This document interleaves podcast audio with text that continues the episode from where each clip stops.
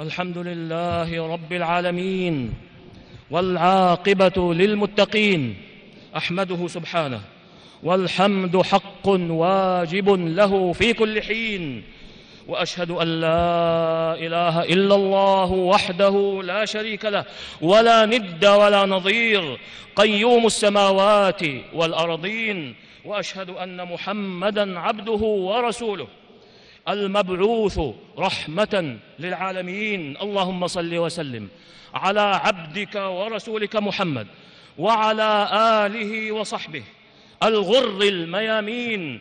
صلاة وسلاما دائمين. ما تعاقبت الليالي والأيام والليالي والشهور والسنين. أما بعد فاتقوا الله عباد الله. واتقوا يوما ترجعون فيه إلى الله ثم توفى كل نفس ما كسبت وهم لا يظلمون. عباد الله إن علو القدر وسمو المنزلة توجبان كمال الطاعة وقوة الاستجابة. وإذا اقترن هذا العلو وهذا السمو بالإنعام والمنن والإكرام كانت الطاعة للمنعم أتم والاستجابة له فيما يأمر وينهى أكمل وأقوى وأجمل. وإذا كان هذا مما تقر به العقول السليمة وتذعن له النفوس السوية في حق المخلوق العاجز الفاني فكيف الشأن بالخالق الرازق المنعم القوي الباقي؟ الذي لا ند ولا نظير له في جلال النعم وكمال المنن وعظم الآلاء. إن الاستجابة له سبحانه. يجب أن تبلغ الذروة مما يعنى به العبد ويقصد إليه وأن تكون في الطليعة من واجباته وخططه ومهمات حياته. امتثالا لأمره سبحانه له بقوله يا أيها الذين آمنوا استجيبوا لله استجيبوا لله وللرسول إذا دعاكم لما يحييكم واعلموا أن الله يحول بين المرء وقلبه وأنه إليه تحشرون. وإن عظم الاستجابة لله وإن أعظم الاستجابة لله وللرسول شأنا وأشرفها مقاما أداء حقه سبحانه بتحقيق التوحيد الذي هو أعظم أوامر الدين وأساس الأعمال وروح التعبد وعماد التقرب وقاعدة الازدلاف إليه عز وجل والغاية من خلق الإنس والجن كما قال تعالى وما خلقت الجن والإنس إلا ليعبدون والغاية أيضا من إنزال الكتب ومنها القرآن الذي قال فيه سبحانه ألف لام را. كتاب أحكمت آياته ثم فصلت من لدن حكيم خبير. ألا تعبدوا إلا الله إنني لكم منه نذير وبشير. وكفى به شرفا وفضلا أن قبول جميع أعمال العباد وأقوالهم الظاهرة والباطنة متوقف عليه راجع إليه.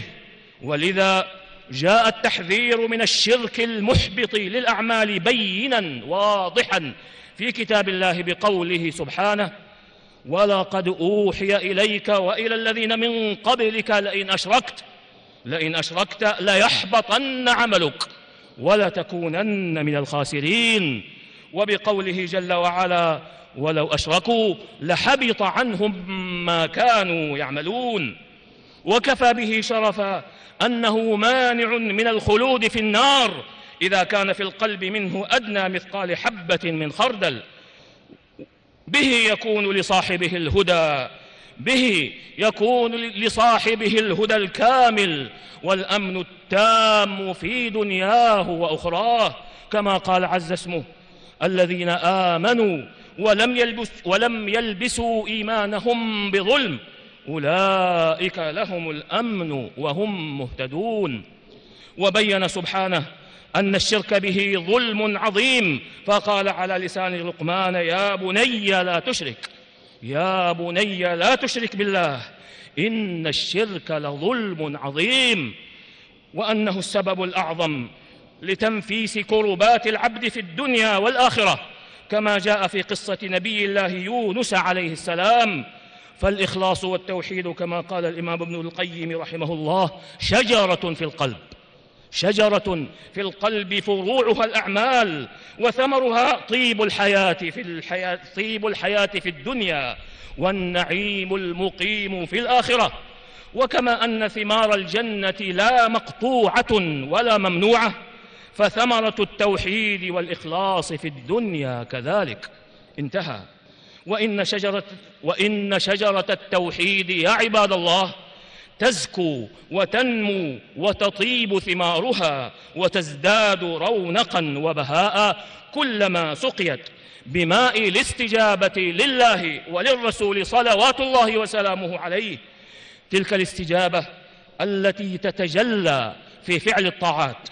وترك المعاصي رغبة في جميل الموعود عليها بحسن الثواب وخوفا من شديد الوعيد عليها بأليم العقاب ويدخل في ذلك ويفضي إليه ويدل عليه قراءة القرآن بالتدبر لمعانيه والاتعاظ بعظاته وفهم ما يراد به وما نزل لأجله. وأخذ نصيب العبد من كل آياته وإنزالها على داء القلب ومنه التقرب إلى الله بالنوافل بعد الفرائض ودوام ذكره على كل حال باللسان والقلب والعمل وإيثار محاب الله على كل ما سواها من المحاب واستحضار نعم الله وبره وإحسانه على عباده وانكسار القلب بكليته بين, يد بين يدي الله تعالى والخلوة به والخلوة به سبحانه وقت النزول الإلهي حين يبقى ثلث الليل الآخر لمناجاته وتلاوة كتابه وختم ذلك بالتوبة والاستغفار ومجالسة المحبين الصادقين ومجالسة المحبين لرب العالمين الصادقين في محبتهم له سبحانه والتقاط فوائد كلامهم والانتفاع بسمتهم ونصحهم وحالهم والتجافي عن كل سبب يحول بين القلب وبين الرب عز وجل. وتطهيره من الغل والحقد والحسد والعجب وسائر أمراض القلوب وعللها. وسلامة الصدر وسلامة الصدر للمؤمنين ومحبة الخير لهم وعظم الخوف عليهم بالسعي بالسعي في صلاحهم وفلاحهم في العاجلة والآجلة. ألا وإن اللبيب الموفق لا يقف من كل ما يحوله بي من كل ما يحول بينه وبين الاستجابة لله وللرسول ويصده عنهما موقف أولي الألباب دراية بها ومعرفة بأسبابها وتحذيرا من غوائلها وسوء العقبى فيها فلا يغره ما يراه من كثرة المبطلين من كثرة المبطلين من أهل الضلال وقلة السالكين من أهل الحق والهدى والعلم والإيمان.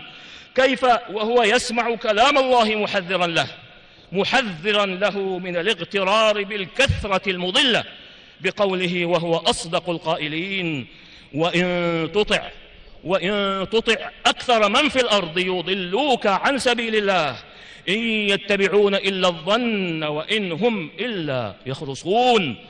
وبقوله عز اسمه وما أكثر الناس ولو حرصت بمؤمنين.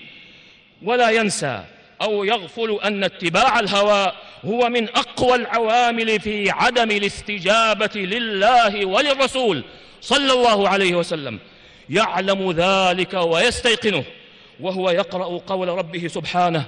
فإن لم يستجيبوا لك فاعلم أنما يتبعون أهواءهم. ومن أضل ممن اتبع هواه بغير هدى من الله؟ إن الله لا يهدي القوم الظالمين. وبقوله سبحانه ويقرأ قوله سبحانه أفرأيت من اتخذ إلهه هواه وأضله الله على علم وختم على سمعه؟ وختم على سمعه وقلبه وجعل على بصره غشاوة. فمن يهديه من بعد الله أفلا تذكرون؟ ويعلم أن للوسط المحيط بالمرء والصحبة أثرهما البالغ وسلطانهما القوي على نفسه وعقله. فسرعان ما ينساق المجالس إلى مصاحبه ومجالسه ويسلم إليه قيادة. جاء ذلك في خطاب خير الورى من لا ينطق عن الهوى صلى الله عليه وسلم في قوله المرء على دين خليله فلينظر أحدكم من يخالل. أخرجه الإمام أحمد في مسنده وأبو داود والترمذي في سننهما بإسناد حسن. وفي قوله صلوات الله وسلامه عليه لا تصاحب إلا مؤمنا ولا يأكل طعامك إلا تقي.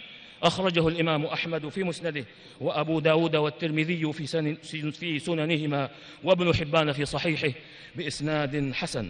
وفي حديث أبي سعيد الخدري رضي الله عنه أن نبي الله صلى الله عليه وسلم قال كان في من كان قبلكم رجل قتل تسعة وتسعين نفسا فسأل عن أعلم أهل الأرض فدل على راهب فأتاه فقال إنه قتل تسعا وتسعين نفسا فهل له من توبة؟ فقال لا فقتله فكمل به مئة. ثم سأل عن أعلم أهل الأرض ثم سأل عن أعلم أهل الأرض فدل على رجل عالم فقال إنه قتل مئة نفس فهل له من توبة؟ فقال نعم. ومن يحول بينه وبين التوبة؟ انطلق إلى أرض كذا وكذا. فإن بها أناسا يعبدون الله. فاعبد الله معهم ولا ترجع إلى أرضك فإنها أرض سوء. ولا ترجع إلى أرضك فإنها أرض سوء. الحديث أخرجه الشيخان في صحيحيهما واللفظ لمسلم رحمه الله. ويدرك اللبيب أيضا شدة الحاجة إلى من يقتدى به في الدين والعلم والعمل. ولذلك جعل الله تعالى في نبيه صلى الله عليه وسلم الأسوة الحسنة لمن أراد حيازة الخير لنفسه بالسعادة وطيب العيش في حياته والفوز بحسن الثواب والنعيم المقيم في آخرته. فقال سبحانه لقد كان لكم في رسول الله أسوة حسنة أسوة حسنة لمن كان يرجو الله واليوم الآخر. لمن كان يرجو الله واليوم الآخر وذكر الله كثيرا. فالهداية ناشئة عن الاقتداء به واتباعه كما قال تعالى فآمنوا بالله ورسوله ورسوله النبي الأمي النبي الأمي الذي يؤمن بالله وكلماته واتبعوه لعلكم تهتدون. ولا يرتاب أن طول الأمل من, شد من, من أشد الصوارف الملهية عن الاستجابة لله ولرسوله. صلوات الله وسلامه عليه لأنه يغر صاحبه ويعده ويمنيه ويمنيه بطول البقاء حتى يفجأه الموت بغتة. وقد قال سبحانه ذرهم يأكلوا ويتمتعوا ويلههم الأمل فسوف يعلمون. وهو كما, وهو كما قال ابن كثير رحمه الله تهديد شديد لهم أي للكافرين ووعيد أكيد. ولهذا قال ويلههم الأمل أي عن التوبة والإنابة فسوف يعلمون أي عاقبة أمرهم. وذلك حين يقدمون على ربهم فيرون ما لهم عنده من سوء الحساب وأليم العقاب. فاتقوا الله عباد الله واستجيبوا لله وللرسول صلى الله عليه وسلم إذا دعاكم إلى ما فيه صلاحكم وفلاحكم إلى ما فيه صلاحكم وفلاحكم ورشادكم. وفوزكم بالرضوان والغفران ونزول رفيع الجنان. نفعني الله وإياكم بهدي كتابه وبسنة نبيه صلى الله عليه وسلم. أقول قولي هذا وأستغفر الله العظيم الجليل لي ولكم ولكافة المسلمين من كل ذنب إنه هو الغفور الرحيم.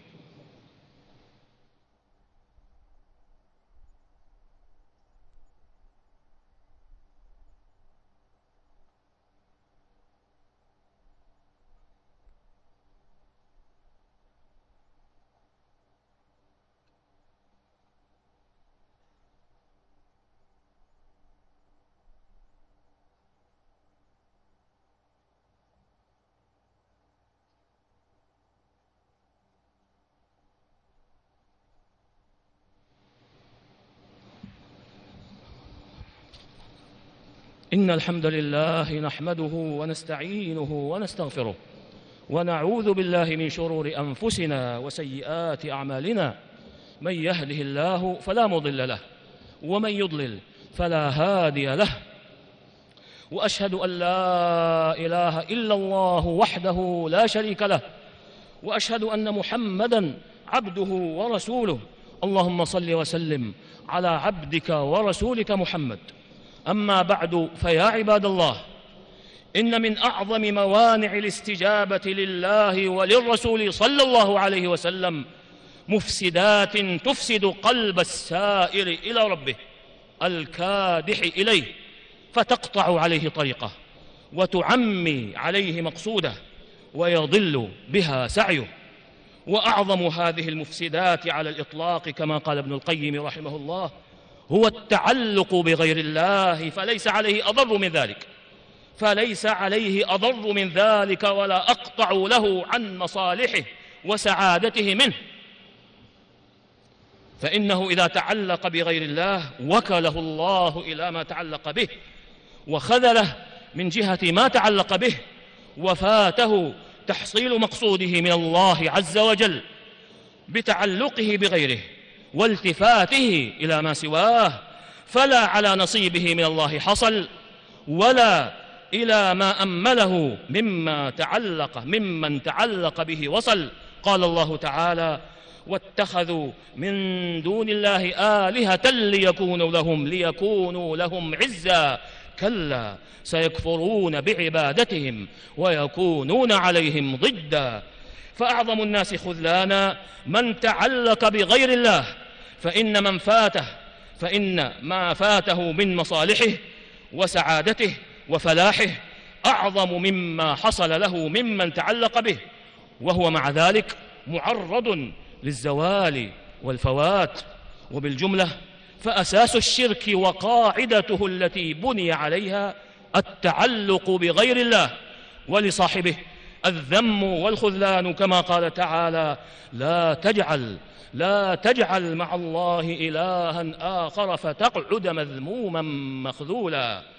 مذموما لا حمد لك مخذولا لا ناصر لك. عياذا بالله من ذلك. وأما المفسد الثاني فركوب بحر التمني فهو كما قال رحمه الله بحر لا ساحل له. وهو البحر الذي يركبه مفاليس العالم. كما قيل إن المنى رأس أموال المفاليس وبضاعة ركابه مواعيد الشيطان وخيالات المحال والبهتان. فلا تزال أمواج فلا تزال أمواج الأماني الكاذبة والخيالات الباطلة تتلاعب براكبه كما تتلاعب الكلاب بالجيفة. وهي بضاعة كل نفس مهينة خسيسة سفلية ليست لها همة تنال بها الحقائق الخارجية بل اعتاضت عنها بالأماني الذهنية فيمثل المتمني صورة مطلوبه في نفسه وقد فاز بوصولها والتذ بالظفر بها فبينا هو على هذه الحال إذ استيقظ فإذا يده والحصير وصاحب الهمة العلية أمانيه حائمة حول العلم والإيمان والعمل والعمل الذي يقربه إلى الله ربه ويدنيه من جواره. فأماني هذا إيمان ونور وحكمة وآماني أولئك خداع وغرور. انتهى. فاتقوا الله عباد الله. وحذار من كل سبب يبعد القلب عن الرب سبحانه. ويحول بينه وبين الاستجابة له ولرسوله صلوات الله وسلامه عليه. واذكروا على الدوام أن الله تعالى قد أمركم بالصلاة والسلام على خير الأنام. فقال في أصدق الحديث وأحسن الكلام إن الله وملائكته يصلون على النبي.